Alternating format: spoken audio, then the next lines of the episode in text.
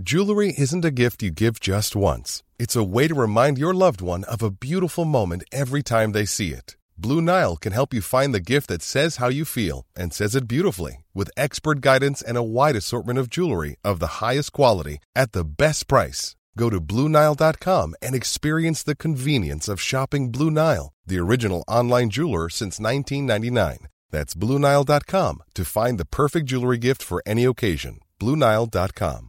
I'm Sandra, and I'm just the professional your small business was looking for. But you didn't hire me because you didn't use LinkedIn jobs. LinkedIn has professionals you can't find anywhere else, including those who aren't actively looking for a new job but might be open to the perfect role, like me.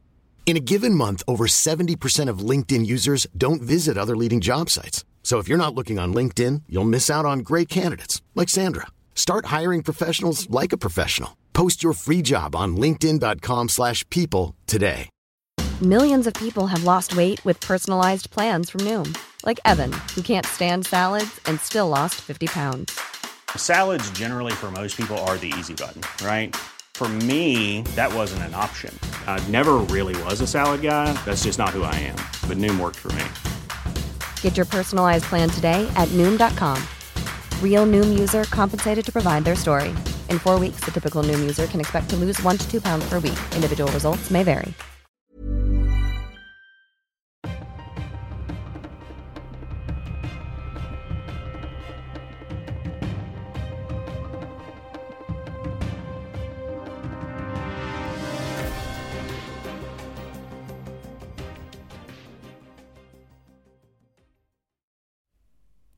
Då säger vi än en gång hej och mycket varmt välkomna till ännu ett nytt avsnitt av dagens Juridikpodden. William Eriksson heter jag och eh, jag är inte heller den här veckan på plats i studion utan jag befinner mig fortfarande här i mellersta Europa och eh, gottar mig. Hur är läget med dig Stefan Wahlberg som sitter hemma i det svinkalla Stockholm?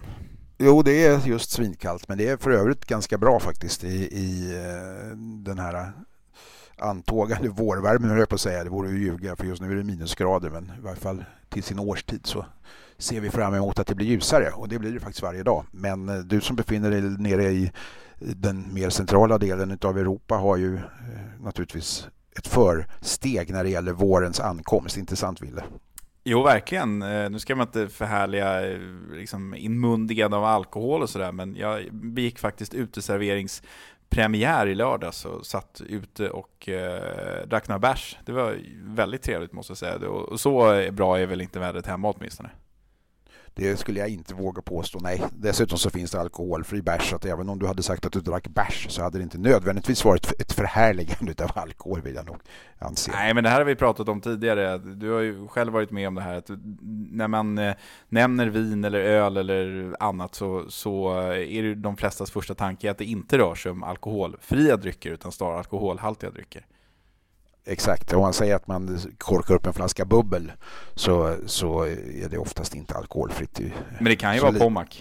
Det kan ju vara Pommac, det kan vara även champis eller någonting annat som är alkoholfritt eh, av mer vinliknande karaktär. Ja, så kan det vara. Ja, du, från. Eh, champis till eh, El Salvador så är steget ganska långt, men i den här podden så är det inte mer än ett litet myrsteg. Där är det ju så att den här eh, mycket omtalade, karismatiska har han beskrivits som, presidenten Nayib Bukele är, har blivit omvald till ny president. Förkrossande majoritet har jag läst mig till att han blev omvald med, men det är inte det som är intressant i det här fallet, utan det intressanta är ju hans, eh, vad ska man säga, gärning som president och det här valmanifestet som han så att säga har gått till val på.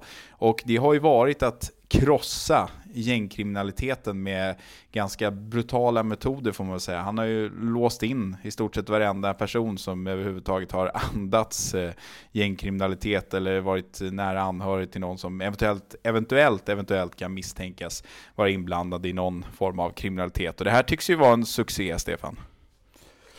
Ja, det, jag vill säga, det är inga jämförelser mellan El Salvador och Sverige i övrigt men eh, som princip betraktat så kan man inte undgå liksom reagera på att en sån enastående stor valseger baserar sig på ett sånt enastående hårt, eh, ska vi kalla det för, hårdhandskar mot, mot gängkriminaliteten. Jag tycker jag känner igen det där rätt väl och då eh, infinner sig givetvis den principiellt intressanta frågan eh, till vilket pris? Och eh, även om han nu då har fått 77 000 gärnings eh, eller rättare sagt gäng, så kallade misstänkta gängmedlemmar ska vi säga bakom lås och bom så, så finns det nu då en en, en, en, ganska stark eh, uppfattning hos bland annat människorättsorganisationer att inte bara de 6 000 som faktiskt har släppts utav de här 77 000 i efterhand som har visat sig vara oskyldiga eh, borde släppas utan åtminstone eh, 14 000 ytterligare oskyldiga som sitter kvar då i,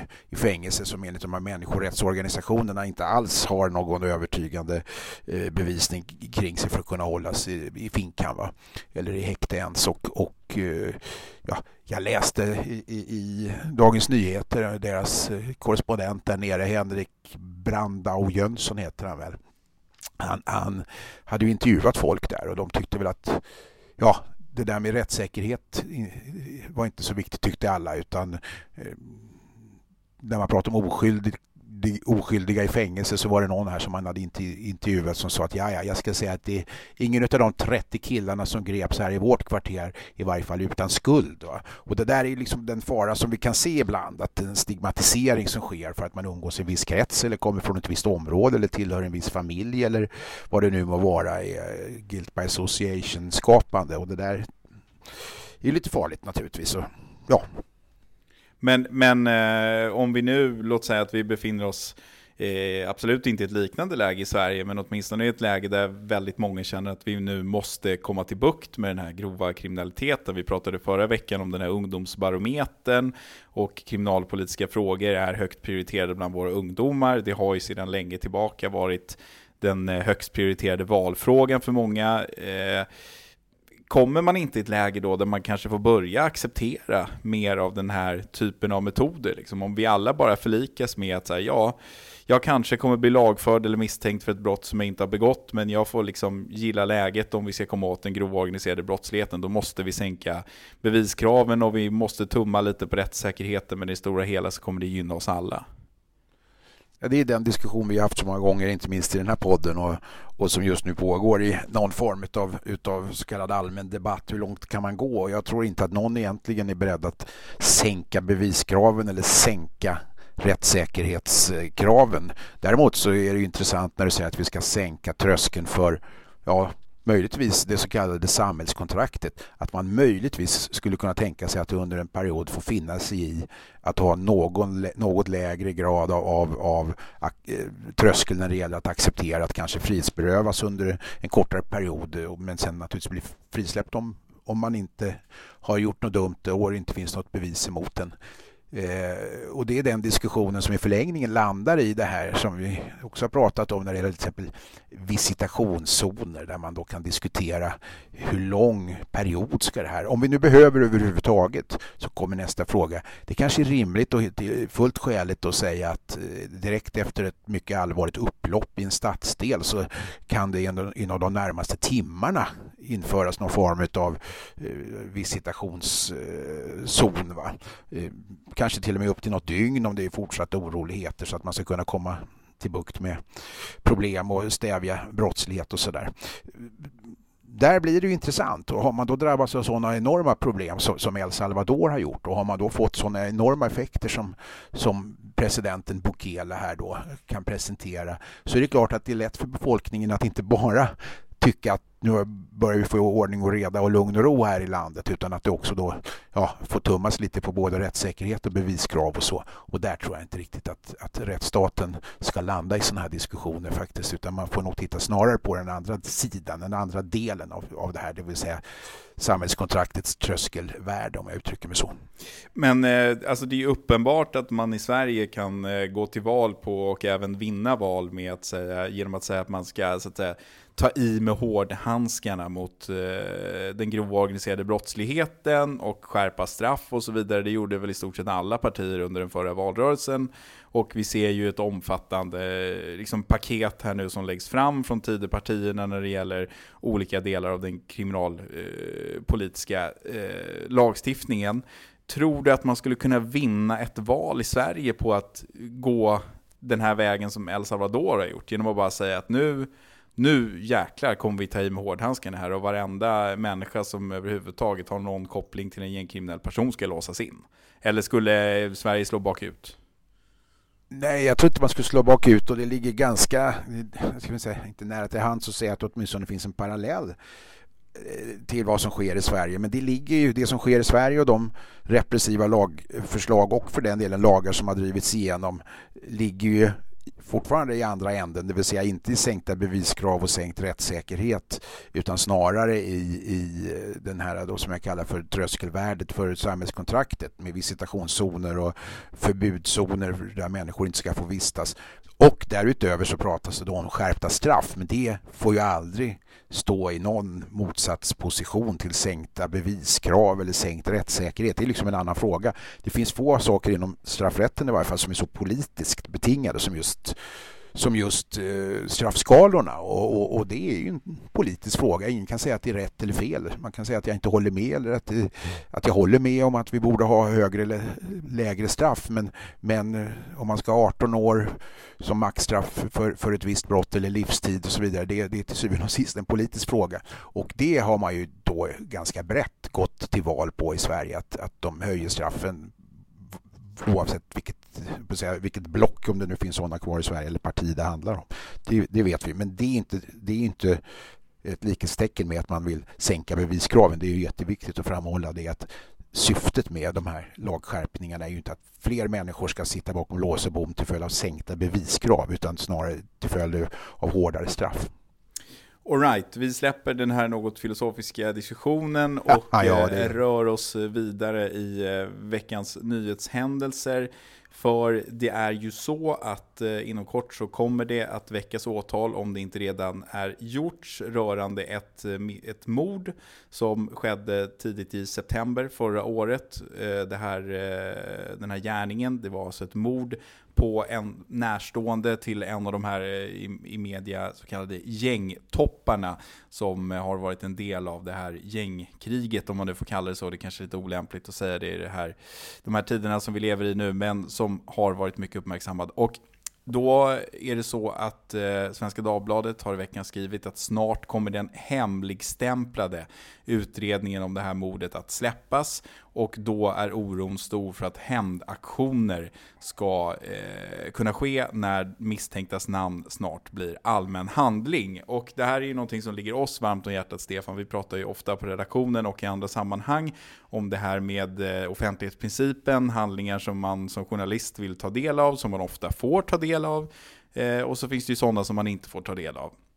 Vi pratade i somras om den här så kallade Eh, knarklistan på personer i Sundsvall som påstods ha eh, köpt knark av någon försäljare där uppe som kom att eh, då citat läcka i en förundersökning och sedan hamnade i media där man då skrev att det finns restaurangägare och det finns journalister och det finns etc. etc. som har köpt knark. Den stora frågan är här, är det lämpligt eller olämpligt att de här förundersökningarna i den här typen av mål är offentlig allmän handling? Vad tycker du? Alltså uppgifterna behövs för att kunna lagföra en person och för att kunna ge eh, personen en rättvis rättegång så är offentligheten enda vägen vi kan gå. Allt annat förskräcker. Och då är det ju så en förundersökning per definition är i och för sig allmän redan så att säga, när den bedrivs men den, i praktiken så är, är de enligt offentlighetssekretesslagen då omfattande av, omfattade av för, bland annat förundersökningssekretessen. Men när åtal väcks står det då uttryckligen i, i offentlighetssekretesslagen så blir då det, den del av förundersökningen som åberopas eh, utav åklagaren eh, enligt huvudregeln offentlig. Och där finns det uppgifter som då behövs för att kunna ställa den tilltalade till svars och för att kunna eh, pröva det som förundersökningen har kommit fram till så måste då försvaret och domstolen naturligtvis få del av det och där ingår ibland personuppgifter och så som inte innebär att de här personerna överhuvudtaget behöver vara in, inblandade i brottsligheten. Det kan vara vittnen eller andra, andra som på ett eller annat sätt är intressanta för förundersökningen eh, eller bara råkat befinna sig på platsen vid tillfället, höll på att säga. Eh, så att eh, då, då och tas det dessutom in i i bevisningen under själva huvudförhandlingen så kommer det att förbli eh, offentligt. Och jag tror inte vi kan gå någon annan väg. Jag förstår folk som har invändningar emot det här på en, en, en praktisk nivå därför att det skapar naturligtvis hotbilder och det offentliggör sånt som många människor kan tycka är obehagligt i vilket brottmål som helst. Och jag vet att det är många människor som vittnar både under en förundersökning men sen kallas som vittne till domstolen som inte hade en aning om att deras, deras uppgifter och identitet eh, blir offentliga i samband med det. Det dyker upp med jämna mellanrum. Så att svaret på frågan är att det går inte att hålla det här hemligt om det är någon uppgift som är nödvändig för att kunna eh, ha en anständig rättegång i båda riktningarna. Dels för att kunna lagföra en skyldig person och dels för att kunna skapa ett rimligt försvar allt som går i en annan riktning är, är en inskränkning av den grundlagsfästa uppmaningen till att förhandling vid domstol ska vara offentligt som det står där. Samtidigt har vi ju sett på senare tid en, en eh, radda exempel där så inte har varit fallet. Jag tänker på eh, processen mot de här två spionbröderna till exempel, där väldigt liten del av förundersökningen var offentlig, en väldigt liten del av eh, tingsrättens dom blev offentlig i slutändan. Då hävdar man ju till, eh, eller då hävdar man att det kan föreligga risk för eh, Sveriges säkerhet och så vidare om de här uppgifterna kommer ut. Men jag menar, det är ju inte omöjligt för en domstol att döma i ett mål där förundersökningen och delar av huvudförhandlingen senare har skett bakom stängda dörrar så att säga. Det finns ju de möjligheterna men det ställer också mycket, mycket höga krav på, som du själv sa, hot mot rikets säkerhet. att man kan hemlighålla sådana saker. Dessutom är det så att en tilltalads identitet inte kan hållas hemlig och det har i grund och botten att göra med rättsstatliga principer som att man inte i hemlighet ska kunna döma folk till fängelse och, och utan att det så att säga, ska finnas en möjlighet att se vad som händer med människor eftersom vi vet att i diktaturer så är är det tyvärr så att människor bara försvinner spårlöst och sen dyker de upp döda i fängelse några år senare. Så det, det, finns liksom den typen av grundläggande principer som ligger bakom offentlighet här. Men visst, vissa delar kan hållas hemliga och eh, även bakom lyckta dörrar i, i domstol. Men hela lagen är uppbyggd på det sättet och även grundlagen är uppbyggd på det sättet att detta ska vara yttersta undantagsfall när det gäller eh, i synnerhet rättegångar. Va? Men om man då säger att i det här fallet som vi pratar om nu, det här eh, påstådda gängmordet, att det då skulle kunna finnas en risk för hämndaktioner när de här uppgifterna kommer ut, så kan man säga att parallellt med det här så pågår också ett antal intressanta rättsprocesser när det handlar om eh, företag med utgivningsbevis möjligheter att få ta del av exempelvis förundersökningar från olika domstolar. Eh, I slutet av eh, januari så nekades ett eh, ganska känt sådant företag med utgivningsbevis, utgivningsbevis att ta del av samtliga förundersökningar från en tingsrätt. Uppgifterna skulle nämligen då tillföras en databas för så kallade bakgrundskontroller utan journalistiskt ändamål. Det här företaget har liksom flera grenar i sin verksamhet och en av de verksamhetsgrenarna är att tillhandahålla eh, register och bakgrundskontroller. Och då sa tingsrätten att nej, behandlingen har förvisso stöd i nationell rätt, men det strider mot EU-rättens krav på en sammanjämkning mellan yttrandefrihet, handlingsoffentlighet och skyddet för personuppgifter. Och det här är ju liksom en annan del av den här frågan. Eh, det blir också lite extra knepigt, för frågan är ju här, finns det för tingsrätternas räkning så att säga, möjlighet att begränsa ett företag med utgivningsbevis från att ta del av allmän handling som domstolen har gjort här?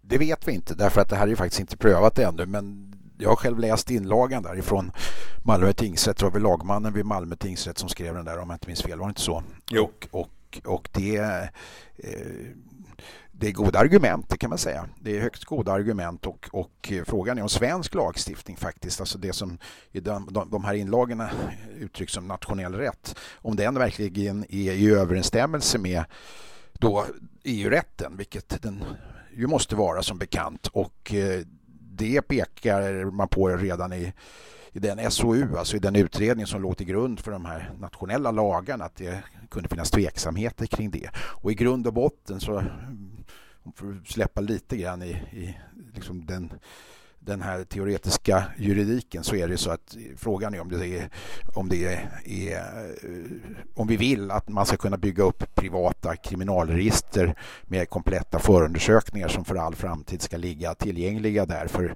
alla som är beredda att betala för det. Det, det är en intressant fråga. Även om det är offentliga handlingar så är det inte per automatik så att allt som är offentligt varken ska, bör eller framförallt får publiceras. Även om man har ett utgivningsbevis så omfattas det utav, då, om inte annat, yttrandefrihetsgrundlagen och, tryckfrihets och eller tryckfrihetsförordningens bestämmelser om att det här med förtal och sådär inte får överskridas.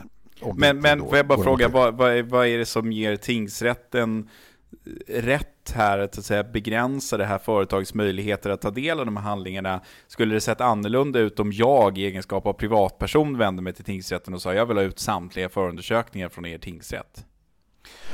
Alltså rent generellt kan man säga så här att det finns ju en... Ja, alltså det, det, det, här handlar egentligen i grunden om två saker. för att inte komplicera allt för mycket så kan man säga så här att det, det är lite skillnad på rätten att få ta del av allmänna handlingar, det vill säga offentliga handlingar i det här sammanhanget, eller att få kopior utav allmänna handlingar, säga, offentliga handlingar i det här sammanhanget. Och frågan är då vilken skillnad man ska göra på det här, därför att i praktiken är det nämligen så att om du har rätt att ta del, eller rättare sagt alltså utfå den allmänna handlingen och på myndigheten ta del utav den, då har du faktiskt rätt att på plats så att säga, kopiera eller filma av, fotografera den handling som finns där.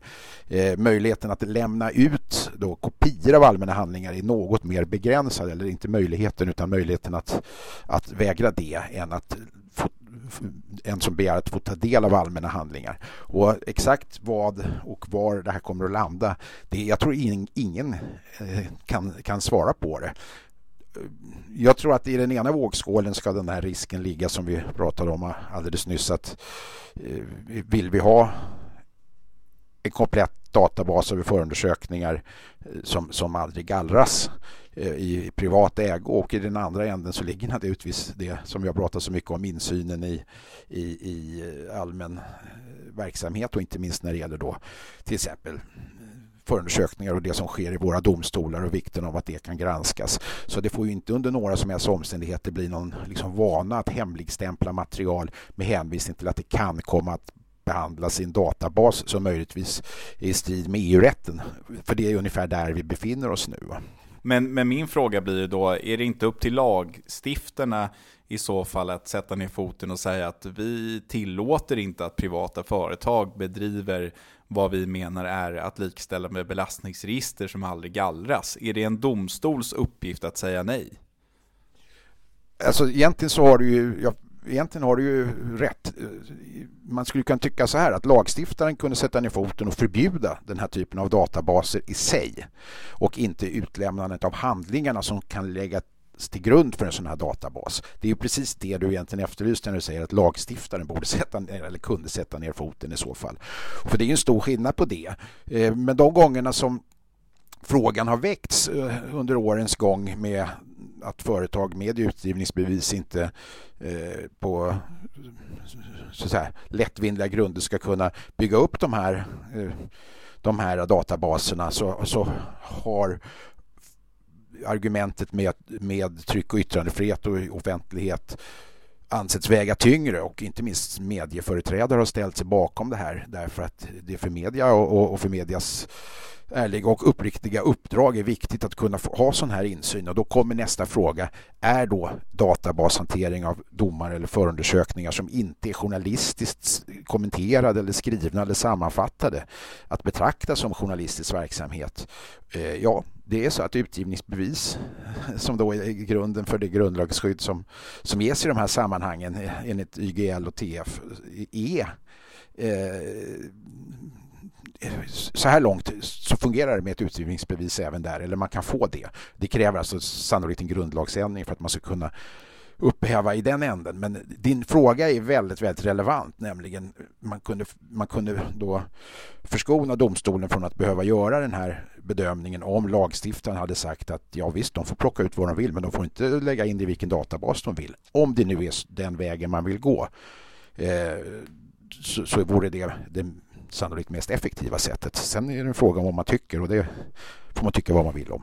Ja, alltså jag tror att det finns rätt många idag som tycker att det är, speciellt arbetsgivare, som tycker att det är ett väldigt bekvämt sätt att man kan vända sig till ett privat företag, betala för sig och sen så får man ett sånt här, en sån här bakgrundskontroll på en person som man vill anställa. Eh, jag tror att även om många så att säga, integritetsvurmare, dit du och jag ibland kanske sällar oss, tycker att det kan vara problematiskt, så är min upplevelse att de flesta skulle ändå gärna använda sig av den här typen av tjänst om möjligheten fanns, om man hade råd att betala för den. Så jag tror inte att det finns någon stark opinion för att de här företagen inte ska få samla in den här informationen det finns ingen stark opinion om man sitter på den sidan. Om, om det däremot själv förekommer i databasen och då behöver man inte tänka på grovt kriminella utan det kan ju räcka med människor som i ungdomligt oförstånd har gjort någonting någon gång som man kanske inte ska behöva bära med sig resten av livet. Bara för att ta, ta den sidan av saken också. Eh, det finns ju paralleller i det du säger till diskussionerna kring ett system där man till exempel offentligt ska hänga ut de som är dömda för pedofili, sexualbrott mot barn i ett visst område. Det här finns i USA bland annat att man menar att föräldrar har rätt att veta om man bor granne med en pedofil som tidigare har våldfört sig på ett barn till exempel. Och då, det väcker ju många frågor i, i alla riktningar. Det kanske jag också skulle vilja om jag hade ett barn som lekte här ute i sandlådan och, och, och veta vem är, är det som bor här i i, i, trakten för att, och, och, som stryker runt, runt lekplatsen eller vad det nu må vara. Eh, samtidigt så är det frågan om man ska stigmatisera människor för all framtid, när de, även om de är dömda för hemska brott, om det ska hängas ut till någon allmän allmänt beskådande. De två principerna så här står emot varandra där. Och det är samma sak med det. Man får tycka vad man vill men det bör i varje fall kunna diskuteras utifrån båda perspektiven och vilka skador det kan leda till i båda ändarna. Sen får man tycka vad man vill.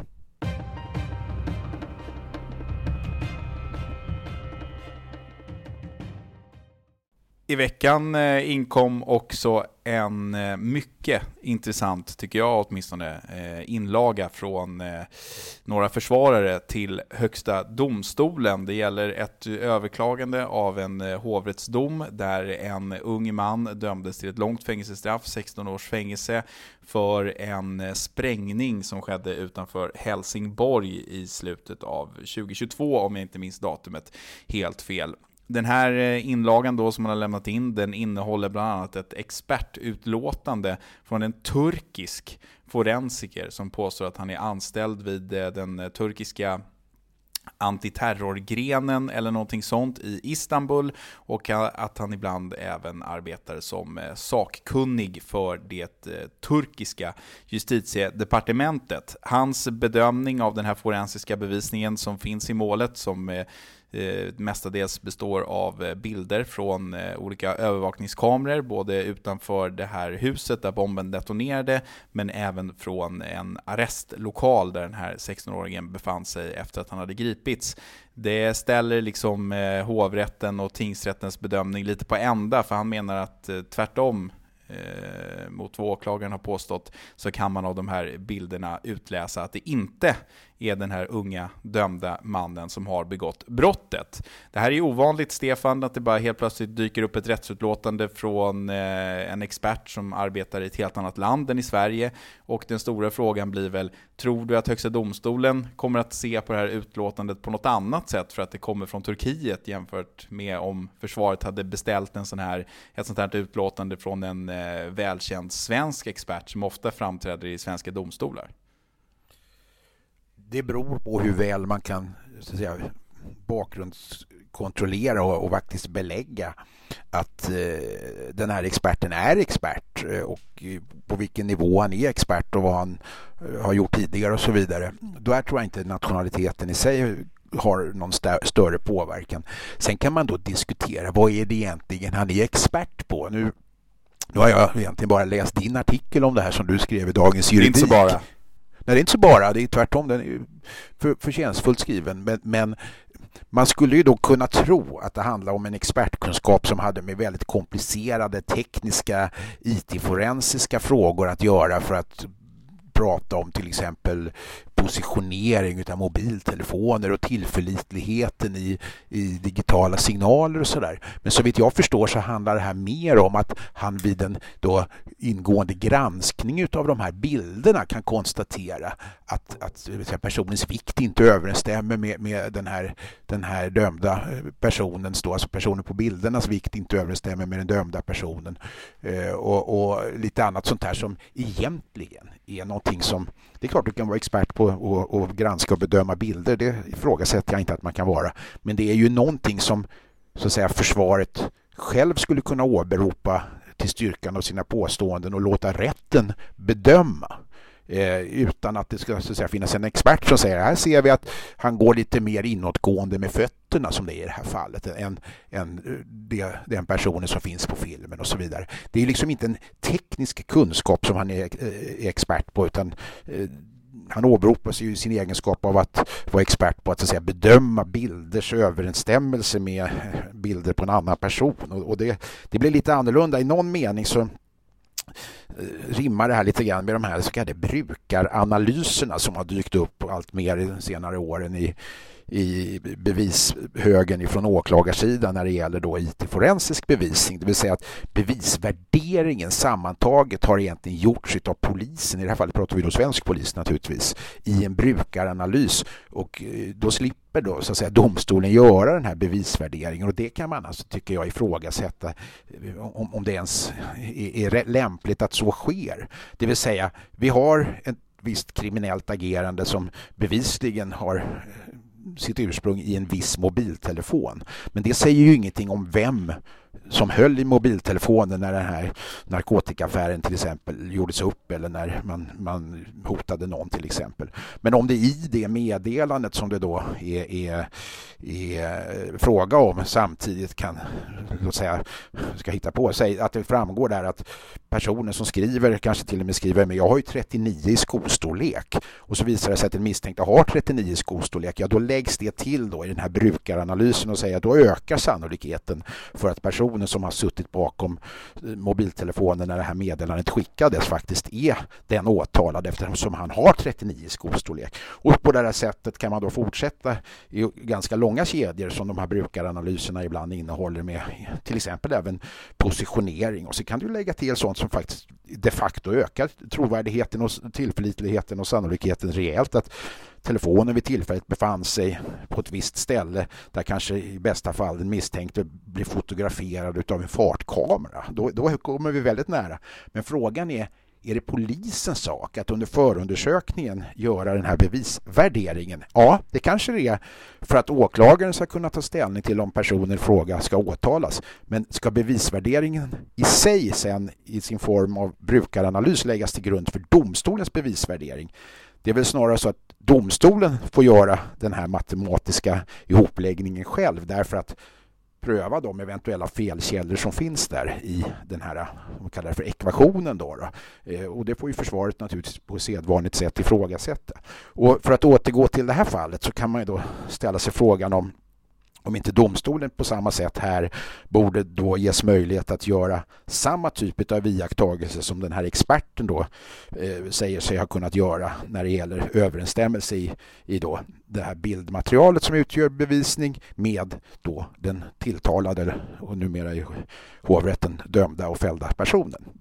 Ja, alltså nu hävdar ju försvaret här i den här inlagan att hovrätten självständigt och då enligt dem utan vetenskaplig grund har identifierat eh, gärningsmannen som har placerat den här sprängladdningen och de hänvisar då försvaret i det här överklagandet till att hovrätten då, till skillnad från den här experten som, de, som nu har kommit med sitt utlåtande, saknar adekvata expertkunskaper inom ämnet forensisk bildanalys, som den här personen då påstår sig ha expertkunskaper eh, inom. Så här menar ju försvaret tvärtom att hovrätten har gjort den här typen av bedömning som du hänvisar till, men att de har gjort en felaktig bedömning och då inte tittat på refer samma referenspunkter i bilderna, det vill säga bilar som har stått parkerade och hur höga de är i förhållande till den här påstådda gärningspersonen, eh, vilket då den här turkiska experten har gjort. Så de hävdar ju att hovrätten har gjort det väldigt enkelt för sig och bara utgått från eh, bilderna i sig och inte gjort någon närmare granskning av bilderna utan lite för snabbt bara slagit fast att så här, ja, det är som åklagaren har så kan det. Jag har absolut ingen åsikt om fallet som sådant eller eh, vare sig om försvarets eventuella invändningar eller, eller hovrättens eh, bedömningar här. Jag bara konstaterar att det här är en bevisfråga ytterst. Det är, det är ju inte en rättsfråga utan det är en bevisfråga och, och i den mån HD ska ta upp det här så ska det nog, ja, då ska det nog krävas eh, att, att hovrättens bedömning är för att prata vanligt språk, ganska slafsig och, och, och verkligen saknar, saknar eh, eh relevans vid, vid en närmare betraktelse. Och då kommer naturligtvis nästa fråga. Är den här personen, experten, är han då expert på detta och är han bättre på det här än vad hovrätten är? Det kanske han är, jag har ingen aning. Vi har fri bevisprövning i svensk rätt och, och eh, frågan är om inte han med sitt expertutlåtande borde kommit in redan jag får säga helst i tingsrätten men åtminstone i samband med att målet prövades av hovrätten. Och varför det inte har skett det har jag ingen aning om men, men det väcker de här frågorna naturligtvis att om det är så som experten påstår, eh, om det verkligen är så och det går att fastställa med då det de metoder som du nämner här med referenspunkter och, och, och längder och så vidare, då, då, då är det en bevisfråga och kan man slå fast att det är så, då kan man nog på närmast, eh, på säga, eh, ja, alltså, jag, jag, kan inte riktigt hitta ordet, men, men, men med väldigt stor grad av bestämdhet, så kan man säga, eh, konstatera att det är så. Och då är frågan, är han sån expert så att han är utslagsgivande? Det, det, det är ju där det här kommer stå och falla med, om HD överhuvudtaget är intresserad av att lämna PT i frågan naturligtvis. Men, men låt säga så här då, att eh, för att sätta det lite mer, eller dra det till sin spets lite mer, nu handlar det här om Turkiet, det är ett land som Sverige numera har någon form av relation med i och med den här NATO-ansökan och så vidare. Eh, vad skulle hänt om ett sånt här yttrande kom från eh, en expert i en stat dit Sverige exempelvis inte ens utvisar personer, en, en stat där man inte kan lita på de rättsvårdande myndigheterna, en stat där, man, där Sverige så att säga fördömer eh, rättsprocesser som pågår eller så vidare. Har, har HD möjlighet att beakta det i sin bedömning av utlåtandet, vart det kommer ifrån?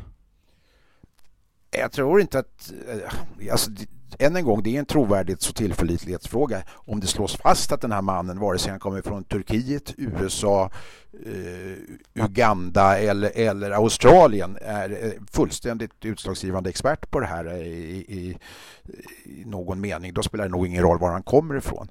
Frågan är, har vi inte sådana expertis i Sverige?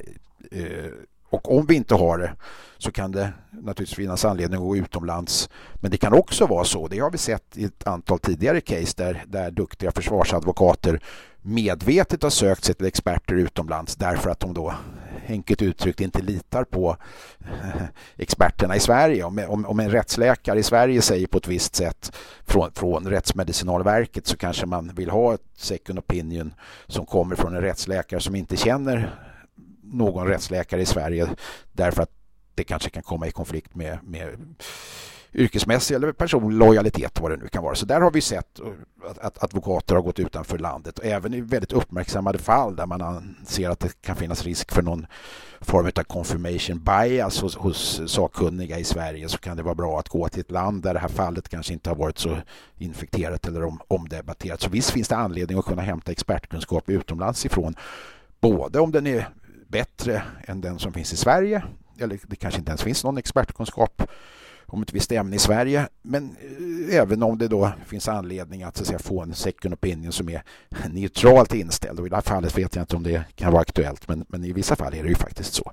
Så att det handlar bara om att fastställa hans egentliga expertkunskaper för att kunna då fastställa bevisvärdet av det han säger. Så skulle jag vilja påstå. Men hade det här kommit till hovrätten hade det nog varit betydligt enklare för försvaret.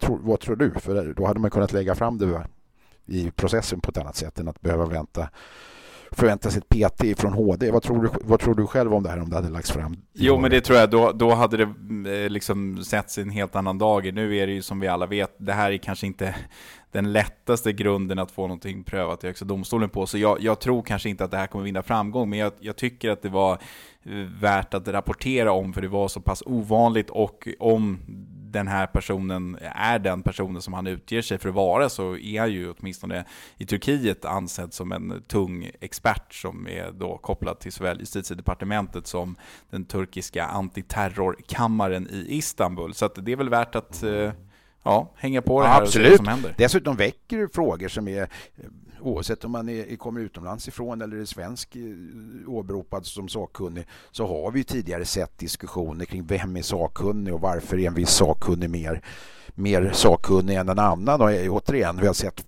försvarsadvokater som ja, de senaste 20 åren ska jag säga eh, har börjat ifrågasätta då ofta åklagarens eh, sakkunniga eh, genom att kalla egna sakkunniga och då vid ett antal tillfällen har jag läst domar, alltså friande domar där man i dom, från domstolens sida konstaterar att professor Karlsson påstår A medan professor Johansson påstår B.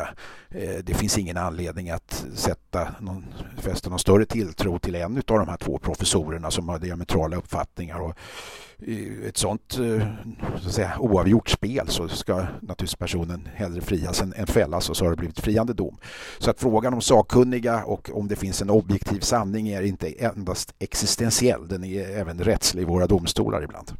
Så är det. Du, nu börjar det lacka mot helg eh, när man lyssnar på det här förhoppningsvis under fredagen. Vad ska du göra i helgen?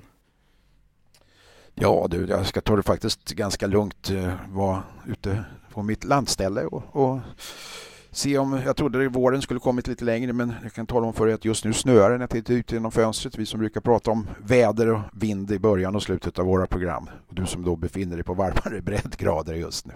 Men jag ska faktiskt, nej jag har inga, inga stora festligheter eller, eller middagar eller så inbokade och så kan det vara ibland. Det är rätt skönt faktiskt att bara få vara, vara i lugn och ro. Härligt! Själv så ska jag försöka, jag hoppas att det ska vara fortsatt vårigt här och sen så ska jag bege mig tillbaka mot Sverige så att vi kan eh, podda ögon mot ögon, eller öga mot öga nästa vecka. Det blir trevligt, eller hur? Ja, varför säger man öga mot öga istället för som du sa, eftersom de flesta människor faktiskt har ögon? Ja, det finns ju enögda människor också, kanske var så det kom till. Man säger väl öga för öga, tand för tand, Hammurabi-lagarna, det kanske har med det att göra. Det är bra. Ja. Nej, men då ses vi nästa vecka. Det gör vi verkligen. Jag säger tack för idag. Ja, det är bra. Tack själv. Vi hörs. Hej.